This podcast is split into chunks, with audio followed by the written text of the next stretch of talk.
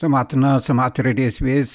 ብምኽንያት እቲ ኣብ ኤርትራ በብዓመቱ ኣብ ዕስራ ሰነ ንሃገሮም ክብሉ ዝተሰውኡ ዝዝከሩላ መዓልቲ ምኽንያት ብምግባር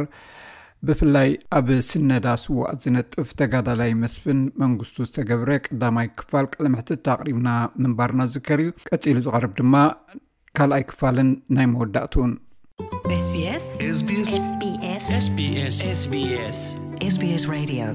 ሕራይ እዚ ሰነዳት ማለት ከም ዝበልካዮ ማለት ዘሕዝን እዩ ዝክሉ ዝተኣከበ ንድሕር ተቐቢሩ እቶም ዝተሰብኡ እቶም ዝነበሩ እንታይ ከም ዝፈፀሙ ክጠፍእ ስለ ዝኽእልቲ ሰነዳት ኣብቲ ምንጋር ስዋኣት ዝተባህለሉ እዋን ማለት እቲ ግዜያዊ መንግስቲ ኤርትራ ዝነበረ ህዝባዊ ግንባር ሓርነት ኤርትራ ክሳብ ክንደይ ሃጓፍ ፈጢሩ እዩ ምክንያቱ ከምቲ ዝግለፅ እንኮላይ ኣብ ተጋድሎ ሓርነት ኤርትራ ዝተሰውኡ እዩ ተነጊሩ እዩ ተባሂሉ ብከምኡ እውን ተሰሪሑ ማለት እዩ ስለዚ እዚ ሰነድ እዚ ምጥፍኡ ክሳብ ክንደይ ሃጓፍ ፈጢሩ ኣብቲ ዝርዝር ኣስማትን ኩነታትን ናይቶም ኣብ ተጋድሎ ሓርነት ኤርትራ ዝተሰው ኢልካ ትሓስብ ከመይ ነይሩ እንታይ ስማዓካ ሕጂ እቲ ኣብ ምንጋር ዝነበረ ኩነታት ኣብቲ ምንጋር ዝነበረ ኩነታት ብጣዕሚ ተሓሳስበኒ ነይሩ የሕዝነኒ ነይሩ ይፈልጥ እየ ገለ ብፆትና ብሰብ ወይ ብመቕርቦም ኣቢሎም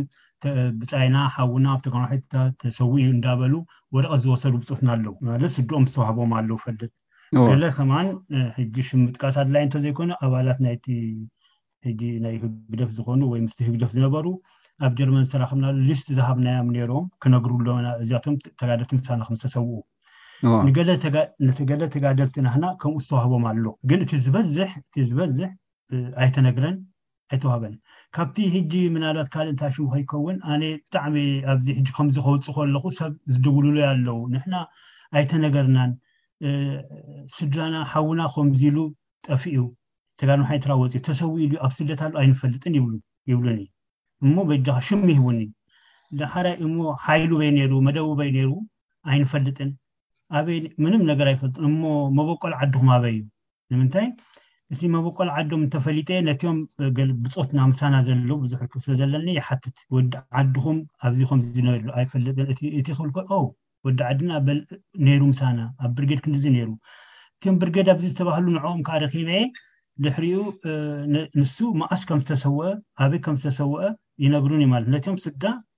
ከዓ ኣነ ከምዛት ያፅሕፋ ሕጂ ዘንበብካ ናይ ስዋ ኣርኣያ ከምኣ ፅሒፌ ነቶም ስድራ ይሰደሎም ከምዚ ዝገበርክዎ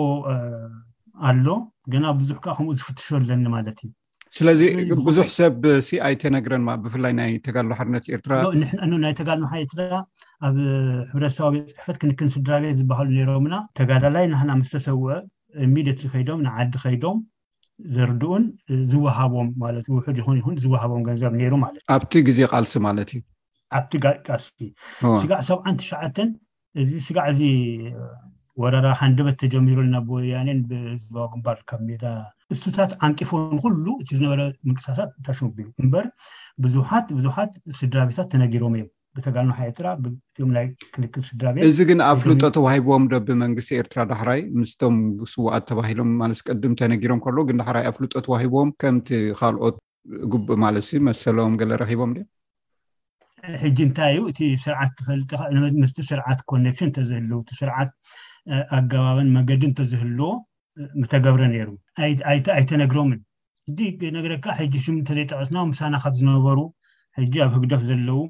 እዚ ነገር ከምዚ ምፀበበ ምሻ ኣለካ ሽግር ምስ ኮነኒ ደው ኢለ ዘዘራረብኮም ሰባት ኣለው ዘዛረብኮም እንታይ እዩ ነቶም ስውኣት ነገር ዘይኮነስ ሰነዳት ካባና ሒዞሞ ዝኸዱ ስለ ዘለው እንተሎ ምስኣቶም ፕራይቬት ንክነግሩና ንሳቶም የለን ምሳና ሰነድ ኢሎምና ማለት እዩ ብፆት ነርና ሕጂ ኣብ ህግደፍ ዘለዉ ኣለዉ ብዛዕባ ሓቢሮምና እሳቶም ብናህና ስውኣት እውን ተቐባልነት የብሎምን ንሕና ስውኣትና ዘይኮኑ ናህና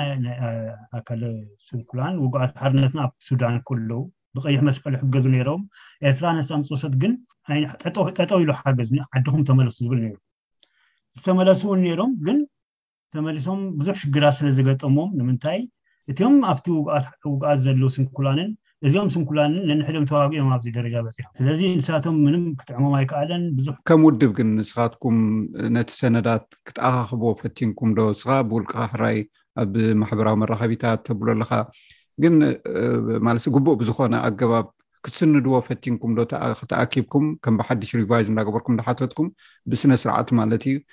ዋላ ሕጂ ተዘይኮነስ ንወለዶ እውን ክመሓላለፍ ስለ ዘለዎ ዝርዝር ናይቶም ክስታይ እንዳሓተትካ ክሳብ ክንደኻ ወይስ ስዕልካ ብ ፌስቡክ ምጥማለሲ ንኣሽ ንኣሽ ነገራት ከም ዝትገብሮ ተዘይኮይኑ ክንኡ ትገብሮ እንታይ እቲ ቀንዲ ሕጂ ፅቡቅ ሕቶ እዩ በዚ ምክንያት ንሕና ቅድሚ ዓሰርተ ዓመት ዳግማይ ርክብ ገዳይም ተጋድልቲ ተጋሩ ሓይልትራይልና ኣብ ኣሜሪካ ምትእኻብ ጀሚርና ኔርና ኤቭሪ ይር ትሽዓተ ግዜ ተሳቲፈ ማለት ካብ ዝኸይደ ኣብ ኣትላንታ ኣብ ኮሎራዶ ኣብ ዴንቨር ኣብ ካሊፎርኒያ ተኣኪብና ማለት እዩ እዚ ተኣከብናሉ እንታይ እዩ እዚ ታሪክና ክስነድ ናይ ስዋኣትና መዝገብ ኣለና ካብ ዓሰርተ ሓደ ሽሕ ዝኸውን ተፃሕፉ ኣለና መዝገብ መዝገብ ናይ ስዋኣት እዚ መዝገብ ከዓ ኣይተማልእን ዝተማልአ ኣይኮነን ስለዚ እዚ ዝማልኣሉ መገዲ ስጋዕ እዚ ኮሮና ዝጅምር ኤቭሪ ይር እንዳተኣከብና ዊ ዲስከስ ክስንድ ንስንዶ ነርና ማለት እዩ ሕጂ ኣይሆፕ ድሕሪ እዚ እዚ ናይ ኮሮና ወዲ እንታሽምቢሎ ክንቅፅሎ ማለት እዩ ስለዚ እዚ ምትእኻብ እዚ ከዓ ውድብ ይኹን ዝኾነ ነገር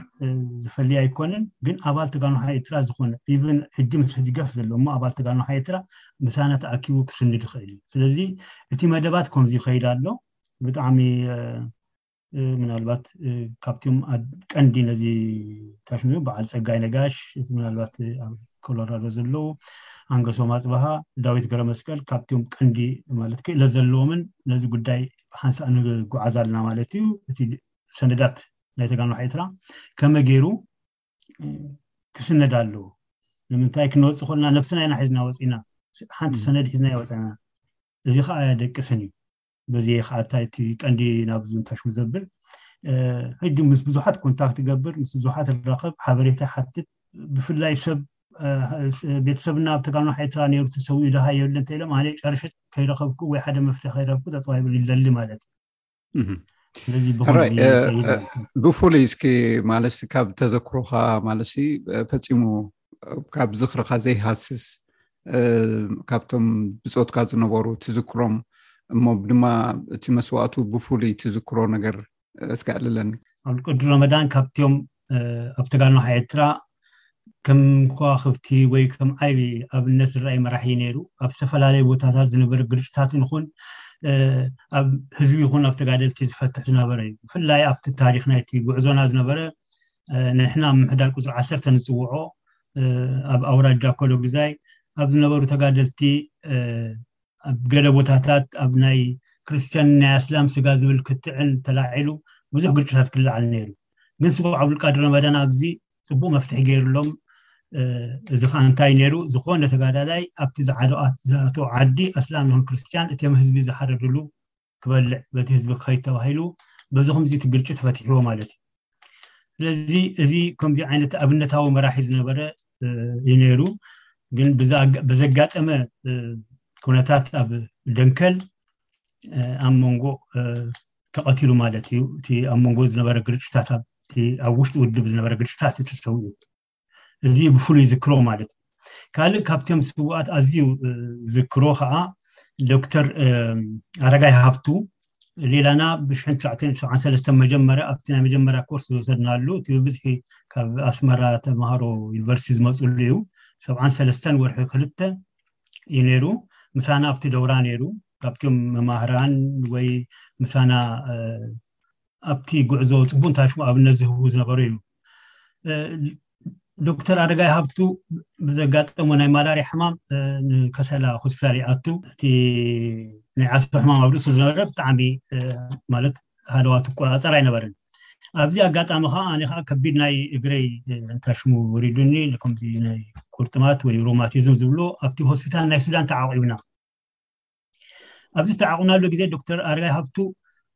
እቲ ኣእምሩ ቁሩብ ንበቲ ማላርያ ታሽሙ ቢሉ ስለ ዝነበረ ኩሉ ሻዕ እቲ ዘረብኡ እቲ ኣዳራሽ ማለት እቲ ኣዳራሽ ብጣዕሚ ዘሕዝን ሕጂ ሎሚ ክሪኦ ከለኹ ንሕና ክልተ ተጋደልቲ ሰብ ዘይብልና ኣብተ ገዛ ግን ምሳና ሓደ ዓሰርተ ሓሙሽተ ዓሰርተ ሽዱሽተ ዝኾኑ ሱዳናውያን ዝደቀሱ ኣለዉ ንዓና ምግቢ ዘምፅኡን ብዙሕ ኣይነበረና ግን እቲኦም ሱዳናውያን ካብ ገዝኦም ዝመፆም ምግቢ ነዚኦም ሓበሻ ሃቦም እንዳተባሃለ ወሃበና ነይሩ ግን ዶክተር ሃረጋይ ሃብቲ ግን ምንም ሃለዋቱ ስለዘይነበረ ብዙሕ እንታይ ሽሙ ኣይእለን ነይሩ እቲ ዘረቡ ኩሉ ሻዕ ግን ኣጆኹም ክንቅፅል ከም ዘለና ጉዕዞ ክኸይድ ከም ዘለዎ እዩ ዝላቦ ነይሩ ኣብዚ ከይዘከርኩ ክሓልፍ ዶክተር ኣረጋይ ሃብቱ መማህርቱ ወይ ዓርኩን ዶክተር ፍፁም ኣረጋይ እዩ ንፍፁም ገብረስላሴ ንፍፁም ገብረስላሴ ብሓንሳእ ካብ ዩጎዝላቪያ ነይሮም ስለዚ ካብ ዩጎዝላቪያ ይመፅና ካብ ዩጎዝላቪያ መፅኡ ክጋደል ማለት እዩ ዶክተር ኣጋይ ኣብዚ ከምዚ ኩነታት እንከሎ ኣብቲ ከሰላ ብሓንሳእ ከለና ዓሪፉ ማለት እዩ ስለዚ እቶም ንሬሳ ዝወስዱ ኣበይ ናይ ክርስትያን መቃብር ንታሪክ ክኸውን ከም ዝከረኒ ነቲ ሬሳ ክወስዱ ክመፁ ከለው ኢትዮጵያዊ ይመስለኒ ሽዑ እውን ነይሩ በዚ ቅድሚ ሕጂ ክርስትያን ተቐቲሎም ዝተቐበርሉ ቦታ ኢሉ ወሲዱ ዶክተር ኣረጋይ ሃብቱ ኣብኡ ተቐቢሩ እቲ ዝተቐበርሉ ቦታ ሕጂ ምናልባት ንታሪክ ዝክርዎን ፅቡቅ ዝክሮ ከምቲ ኣነ ዝሰማዕኩን ዝሰማዕኩ እትኦም ክልተ ተጋደልቲ ኣብ ሰብዓታት ተቐቲሎም ዝበሃሉ ወልዳይ ግደይን ክዳን ክፍሉን ዝተቐበርሉ ቦታ እዩ ዶክተር ኣርጋይ ሃብቱ ተቐቢሩ እዚኣ ከም ታሪክ ሕጂ ክዝክራ ክኢለ ማለት እዩ ስለዚ ኣነ ከማን ከም ኣጋጣሚ ኣብቲ እዋን ዶክተር ኣረጋይ ሃብቱ ቬሪሳት ከምኡ ክብል ጠቕሊሎም ገለ ነገር ንመቓብር ክወስዶ ከለው ኣነ ግን ክቐብር ክኸይድ ኣይክእልን እየ ንምንታይ እግረ ክንቀሳቀሰኒ ኣይክእልን እዩ ስለዚ ዶክተር ኣረጋይ ሃብቱ ይዝክሮ ካብቶም ክዝክሮም ዝኽእል ማለት እዩ በዚ ኣጋጣሚ እንታይ ክዝክር ዝኽእል ሓርበኛ ተጋዳሊት ኣልማዝ ወልዱ ናይ ማሕበር ደቂ ኣንስትዮ ንዓይን ዶክተር ኣረጋይ ሃብቱን እንዳመፀት ኣብቲ ሆስፒታል ኩሉ ሻዕ ትርእየና ዝነበረት ሕጂ ኣብ ሃገር ጀርመን ትቕመጥ ከይዘከርክዋ ክሓልፍ ኣይደልን እየ ንምንታይ ምንም ሰብ ስለዘይነበርና እንዳመፀት ንሳ ትኣልየና ትርእየና ነራ ማለት እዩ ስለዚ በዚ ከመስገን ደሊ ስለዚ እዚ ዘለኒ ተዘክሮታት ምናልባት ኣብ መወዳእታ እንተኮይኑ እቲ ክላቦ ዝደሊ እንታይ እዩ ንሕና ከም ተጋድኖ ሓኤርትራ እዚ ኩሉ ታሪክ ፈፂምና ክንደይ ጀጋኑ ኣወፊና ከምዚ ኢልና ተበታቲና ምስ ተረፍና ሰነዳትና ዝእክብ ስዋኣትና ዝዝክር ማሕበር ወይኮን ማሕበር ይኹን ውድብ ኣይ ታሽማ የብለን እዚ ከዓ ንዓይ ናብዚ ዕላማ ናብዚ መደብ ዝደፋፍኣኒ ብፍላይ ከዓ ናይ ስዋኣት ጥራሕ ዘይኮነ እትዮም ድሕሪ ስዋኣት ተሪፎም ዘለው ኣካል ስንኩላን ሎሚ እኳ ብቁፅሪ ውሑዳት ይኹኑ እምበር ኣብ ከሰላ ዘለው ዝሳቀዩ ዘለው ከዓ ኩሉ ህዝቢ ኣቃልቦ ክገብረሉ ብፍላይ ከዓ እቶም ተጋደልቲ ዝነበሩ ናብ ተጋንሓ ኤርትራ እዚኦም ሰባ እዚኣቶም ትማሊ ምሳና ኣይጆኹም እንዳተባሃልና ኢና ነርና ሎሚ ግን ብሕማቅ ኣጋጣሚ እዩ ብዙሕ ኣይተዘከሩን እሞ በዚ ክንዝክሮም ኩላህና ነቲ ኣካለ ፅጉማን ክንረድእ ሃገራዊ ሓላፍነት እዩ ለዋ ናይቶም ስዋኣት እዩ ከዓ እዚ ሕድሪ ናይ ስውኣት ምፍፃም እዩ። ሕራይ የቐኔለይ ምናልባት ኣብ መጻኢ ብዙሕ ክንዛረበሉ ንኽእል ነገራት ኣንፊትካለይ ኣለኻ ብስፍሕ ዝበለ ካል መዓልቲ ክንዕልል ኢና ሎሚ ግን ብዛዕባ መዓልቲ ሰማእታት ምክንያት ብምግባር ኢና ብፍሉይ ዓዲመካ ምክንያቱ ኣብቲ ስነዳ እውን ስለ ትነጥፍ ኢለ እየ የቐኔለይ በዚ ኣጋጣሚ ተጋዳላይ መስፍን መንግስቱ ንዝሃብካና ሓበሬታ ኣብ መጻኢ ብካልእ ክንራኸብ ኢና ኦኬ በየነ ኣነ እውን ብጣዕሚ የመስግነካ እዚ ኣጋጣሚ ተጠቒመ ሰላምታ የቕርብልካ ስቢኤስ ትግርኛ ኣብ ሬድዮ ኣብ ኦንላይን ከምኡውን ኣብ ሞባይል